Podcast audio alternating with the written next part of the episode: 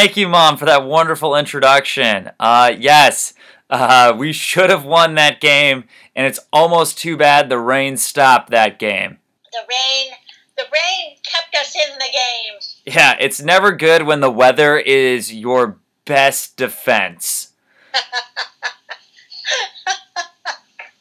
oh my gosh, it was raining so hard. well, I, if uh, listeners from last week or this week might not know, uh, Mama Hayes was down there. So, Mama Hayes, uh, tell us how wet it really was there. Oh my God, it was amazing. Now, where uh, Le- Leslie and I were sitting in the end zone, and Leslie was- is her friend, uh, great friend, as many or some of you may or may not know, who goes with mom to. Excuse me, mom actually goes with Leslie to Miami football games. but we pick. We always pick one football game.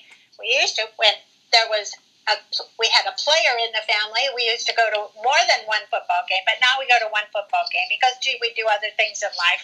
So, anyway, we were sitting in the end zone looking down the field, and it, you could not tell it was raining. The only way you could tell it was raining was A, looking at the puddles on the field, and B, whenever the camera panned the crowd, you could see the sheets of rain in between the camera and the poor people in the rain. Although the way the stadium is now, almost all of the fans are under uh, some sort of roof.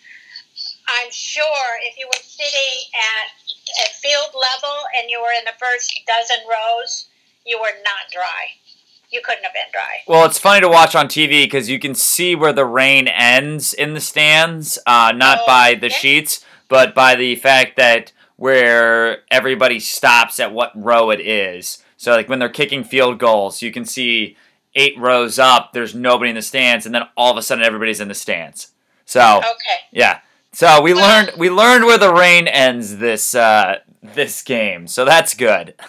That, that, was one silver lining, I guess. So there we go. Um, other than that, um, it was sloppy, not just on the field, but also uh, in most parts of the game. I mean, I have to say the defense played well, uh, as we've said all year, and this feels like 2006 and every conversation we had that season.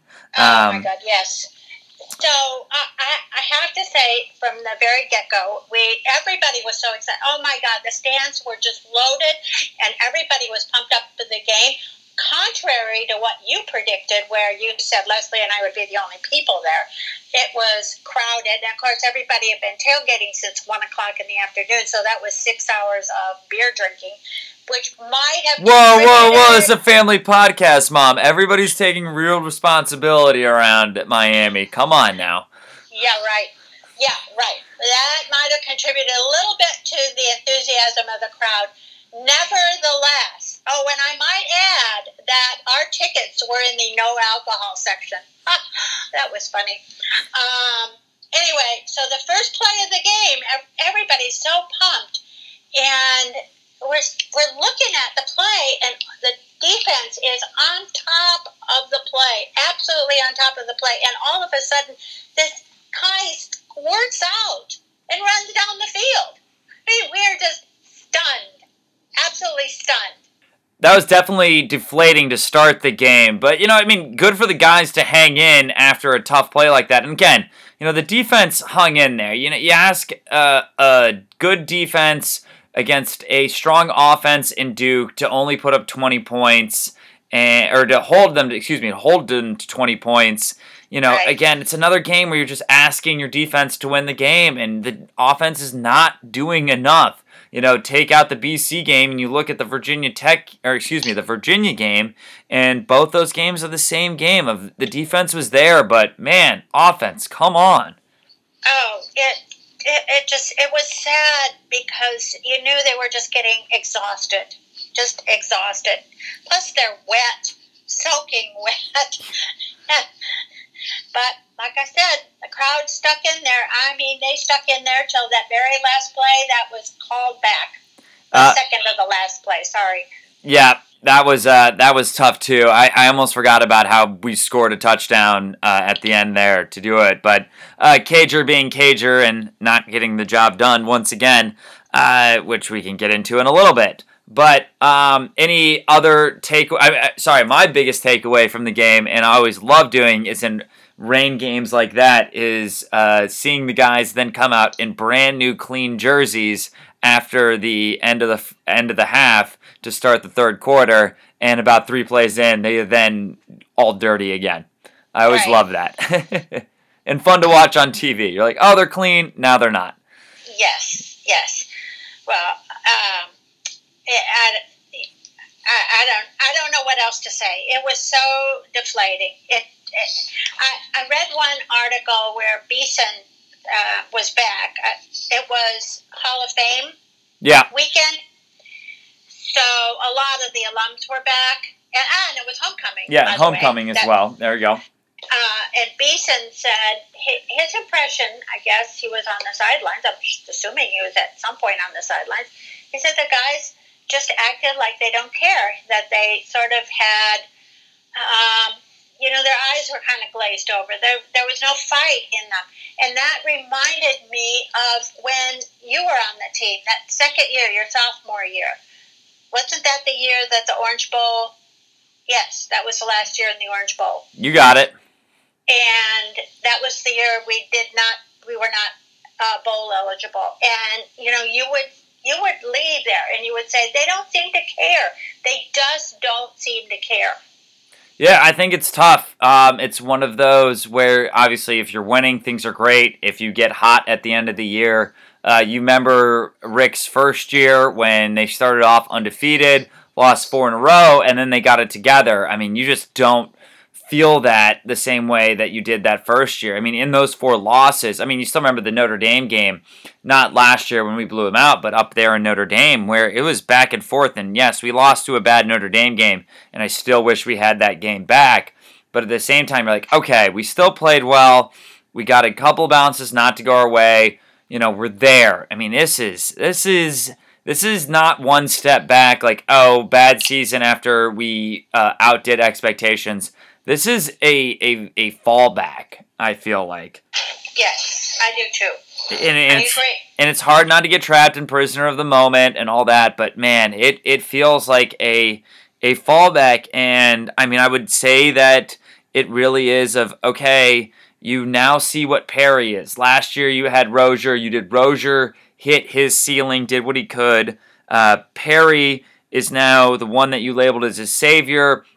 And okay, we got through Rosier. Perry's going to be ready to go by next year. He's not ready to go. He looks really inexperienced. He looks like he um, has really lost a lot of confidence in playing.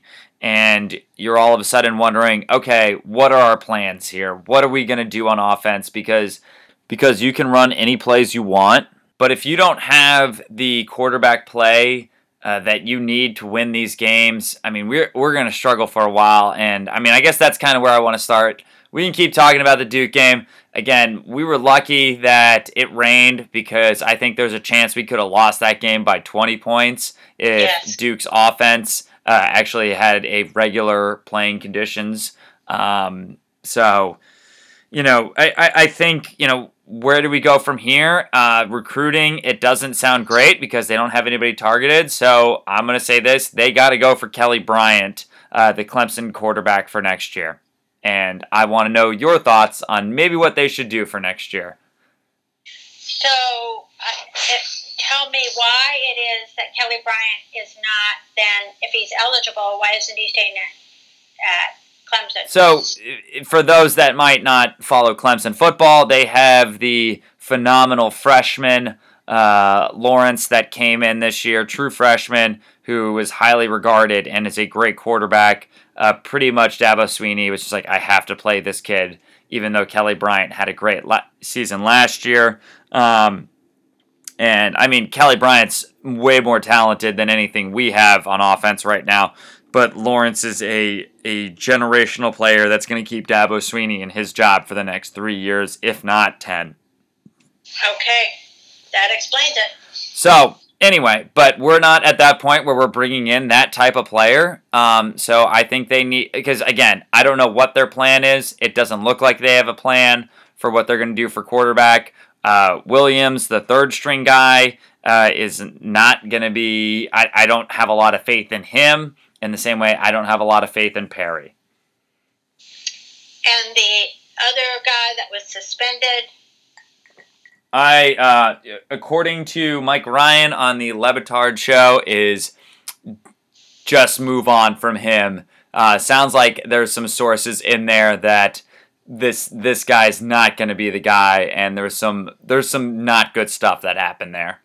Right, that that we we don't know about. Exactly. So so let's just keep him out of the mix. Well, yeah, uh, first of all, my feeling on this, because of the quality of both uh, Rosier and Perry, I don't think Rick. Uh, uh, I don't think he can make a good decision at this point because if he sticks with one or the other of them, neither one of them are performing at top quality. Uh, and he's going to get criticized if you know he just keeps Rosier in, and it's like, well, why aren't you playing Perry when Rosier is you know stumbling? Now he's moving them back and forth in and out, and he's getting criticized for that. I don't, I don't, I think he's in a no-win situation with the current with the current personnel that he has. Exactly. Now, now, can he resolve that by recruiting somebody better next year? I, I don't know. How is he going to recruit anybody to come to this team at this point? They've we, lost a, they've lost a couple commits too, so it's right. This is this is kind of make or break right now, where you're looking at it. But I mean, at the same time, you know, as you referenced that five and seven season, my sophomore year. Uh, the next year we did have the number one recruiting class. Um, it obviously didn't pan out exactly how we wanted, but at the same time, you know, you can't just be caught in what's happening right now. Um, you know, guys flip all the time, especially in today's age. So there's still plenty of time to them to get the recruiting class in order. So um, I'm not super worried about that yet, but I am worried about their plan at quarterback from here on out. Three games.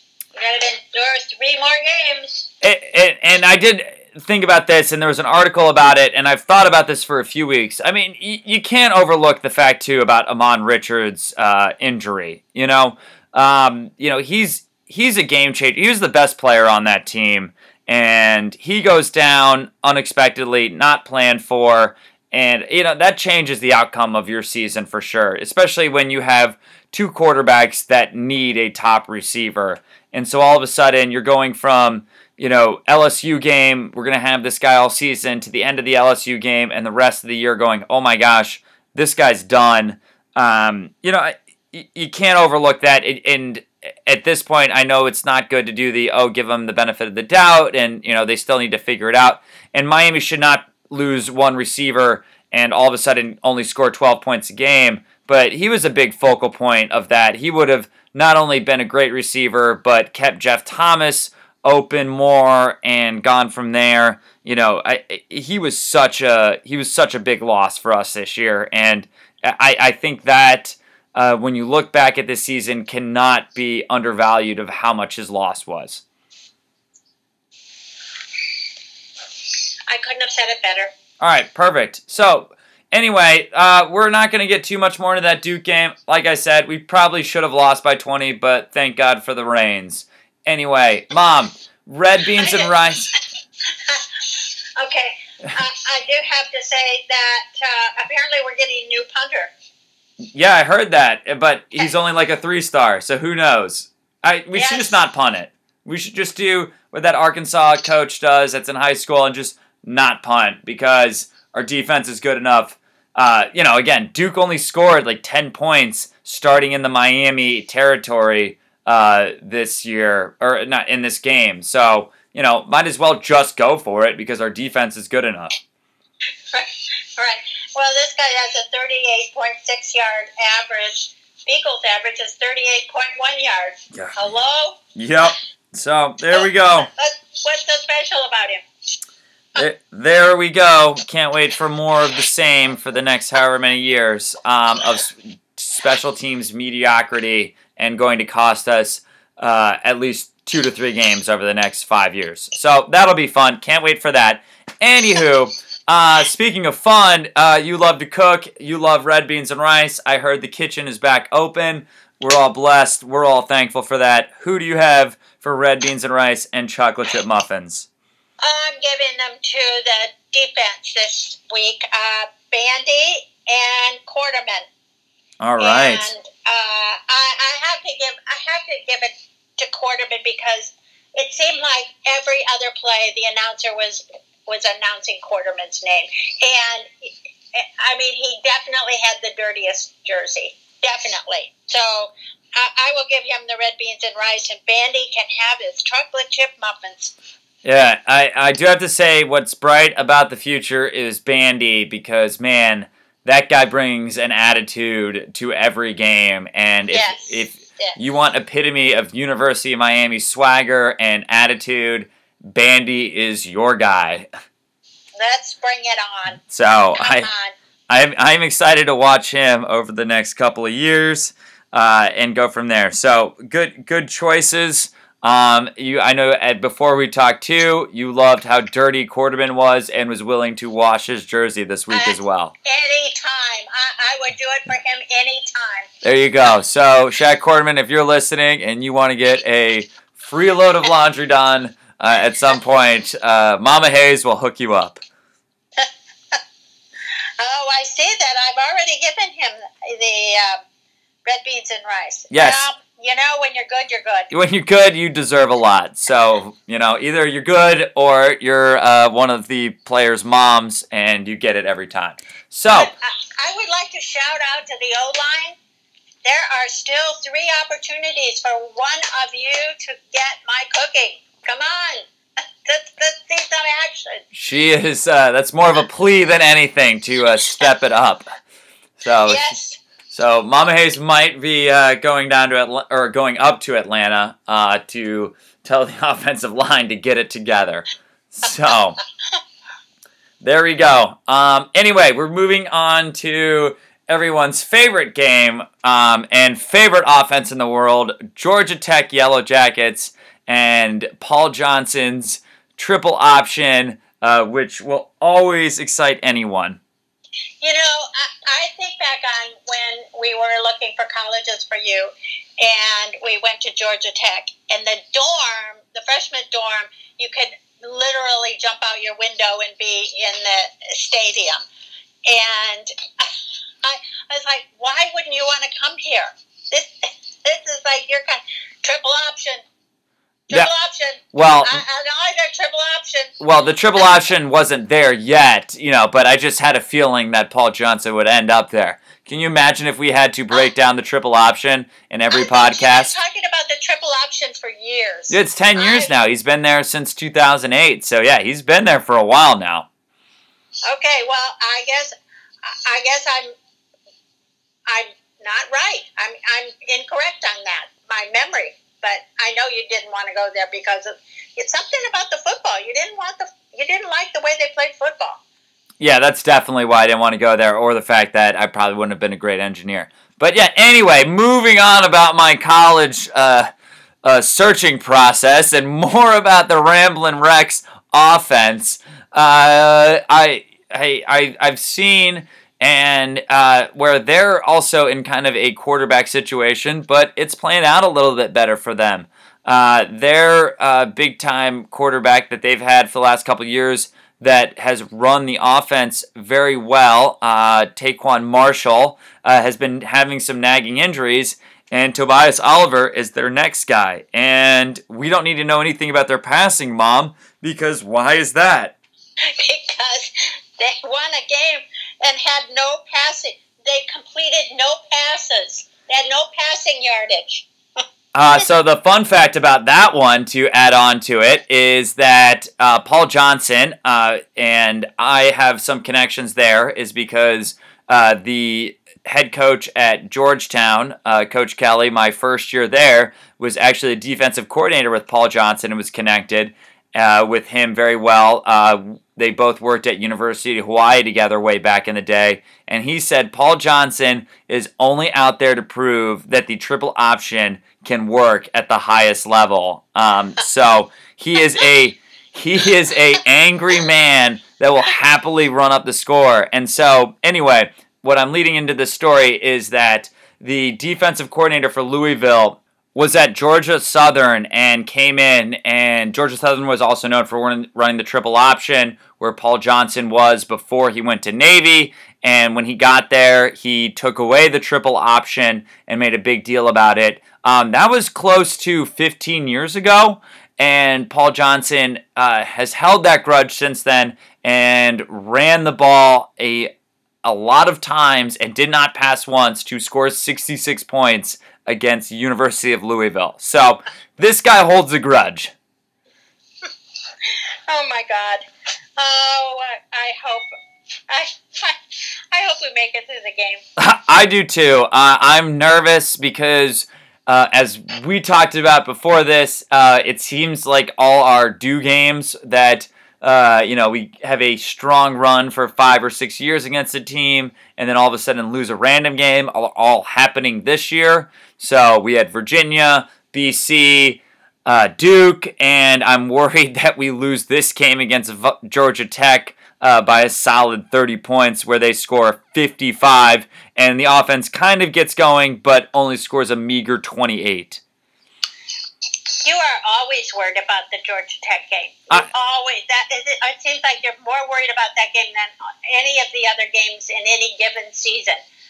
I, and I think you always feel like this is the one that we could lose. Well, I always talk about my therapist around this time because, you know, this was the game where in my junior year, when we were back on track and had just beat Va Tech on a Thursday night, uh, and we're saying, all right, we're feeling ourselves, we're really good. Uh, all we have to do is beat Georgia Tech and we're in the ACC championship. We head up to Georgia Tech on that Thursday night game, and they rush for close to 500 yards and destroy us by I think 40. I can't remember at this point. So I, I have some scars from that game, and I'm always nervous that that's going to happen again.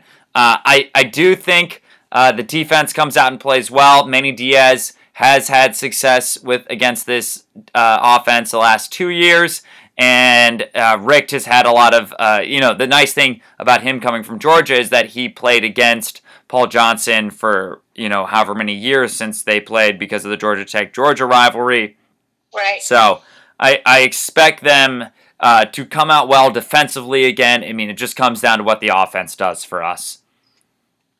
And of course, we have no way of knowing how that's going to work out. Exactly. Uh, any any news on who's starting at quarterback for us this week? And the latest news that I have is Perry starting. All right, so that that should be interesting. I mean, I think the leash is going to be short again, and hopefully he gets hot. Um, I don't want. Rick was when Rick was asked about it, was he going to substitute Rosier in? He was very non-committal.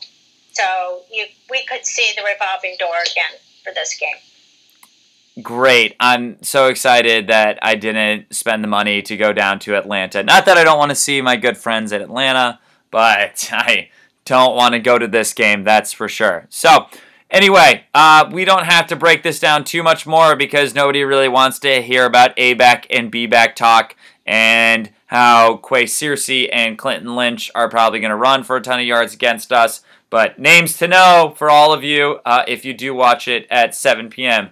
on Saturday night. How are we the 7 p.m. game again? I don't get that at all. we're, we're, we're the epitome of mediocrity, and we're the 7 p.m. game. I, I, I feel like they're just. I feel next week we might be a midnight game. Like, just play them in Hawaii next week uh, to put them somewhere on TV because this is brutal. I was like, all right, we'll be a noon game. This will be fine. Move on from there. Nope, 7 p.m. game. So I we're we're not good. I don't want primetime games. I, I just want to kind of get through the rest of the season, get bowl eligible, and hopefully win a bowl game. Go, go quietly out of the season. So there we go. All right, Mom, predictions I, I, for this game. I, wait a minute. I have one Oh, sorry, my bad. Uh, as I was driving home on Sunday, I was what I was listening to the NFL Network. Obviously, not watching it. I was listening to the NFL Network, and as they were going back and forth between the games, I did hear three familiar names that were doing well. One was, um, let's see, um, Good start. That's good. I'm sorry, Herndon, yes. Njoko. How do you say it? Njoko. Njoku, yeah. Njoku. And the other one was from your era at the Panthers. You know this? Greg Olsen, yeah. Yes. I didn't know you were asking me. Yeah, Greg Olsen. And he's, what, three years older than you? Yeah, he's been in the league for a while now, which is pretty impressive. He's really hanging in there. That, that's yes, yes. Hanging in would be the right term for that. So, but he's doing well, which is good. Another Anyway, big one was uh, another. Made me feel good that we, we actually have some names still out there. So we do have players that are getting somewhere. and Duke Johnson also had a good game. So uh, NFL pro Canes are continuing to do well, uh, which has only made everything more infuriating. Is that we have really good NFL talent everywhere uh, on the field and er, in, on every Sunday, and we can't win more than eight games a year. But anywho, uh, predictions, mom, for this Saturday at 7 p.m. What happens? Okay, I have been so optimistic the last, uh, well, all season really. I think I've always I've predicted wins every week, and I'm so I'm so deflated by the last three weeks that I'm going to predict that we're going to lose. All right. Uh, and by any type of score, or what do you think happens? I think a couple touchdowns. All right. Um, I'm gonna zag from you there um, because I actually think we come away with the win here. I think that it will be similar. I remember going down to a game about five or six years ago in the golden era. It was back and forth. Uh, it was an overtime win. I think this game is going to actually be high scoring. Uh, believe it or not, I know our offense hasn't shown any of that, but I feel the Georgia Tech defense is about what Miami needs right now, and we'll hold them enough through the game, and we win this game by about three points in the 30s. Uh, good offensive battle. You know, I will be very happy to say that I'm wrong. Yeah. So I I hope so. I would have said two days ago because of last year's game where we should have lost against them. Um, and came away with a great win because of the rain. Man, that rain is always huge for us. Um, but the uh, yeah, I think this year they they hold on and they find a way to get bowl eligible this Saturday. They they have to save face. They they do, that's for sure. So and uh, help for the program. Anyway, sounds like we have a lot of question marks. Uh, as we said at the beginning of the season, uh, we were hoping that these questions would be answered. They didn't get answered, and worse, now we have more questions as the season has gone on, which is never good. But anywho, we are looking forward. We will still watch. We will still love our Canes no matter what. Mama Hayes, let's break this down and let these fine people go on their jolly day. All right, here we go. Ready? Uh, C A N E S. Canes. Woo! All right. That is another episode of Walking On with Chris Hayes. Uh, we are super excited that you listened. Totally forgot at the beginning of this that we are now on Twitter. So follow us uh, at uh, at Wow C Hayes. Uh, that's again at Wow W O W C Hayes. Uh, we're gonna try and do a little bit more social media, maybe a little quick reaction about games. Uh, in the middle of it, some live tweeting, give mom access to uh, not just texting me, but uh, tweeting out uh, her thoughts. So we'll go from there. It's going to be fun. It's going to be a good time. Anyway, as always, we thank you for listening and go Canes. Go Canes.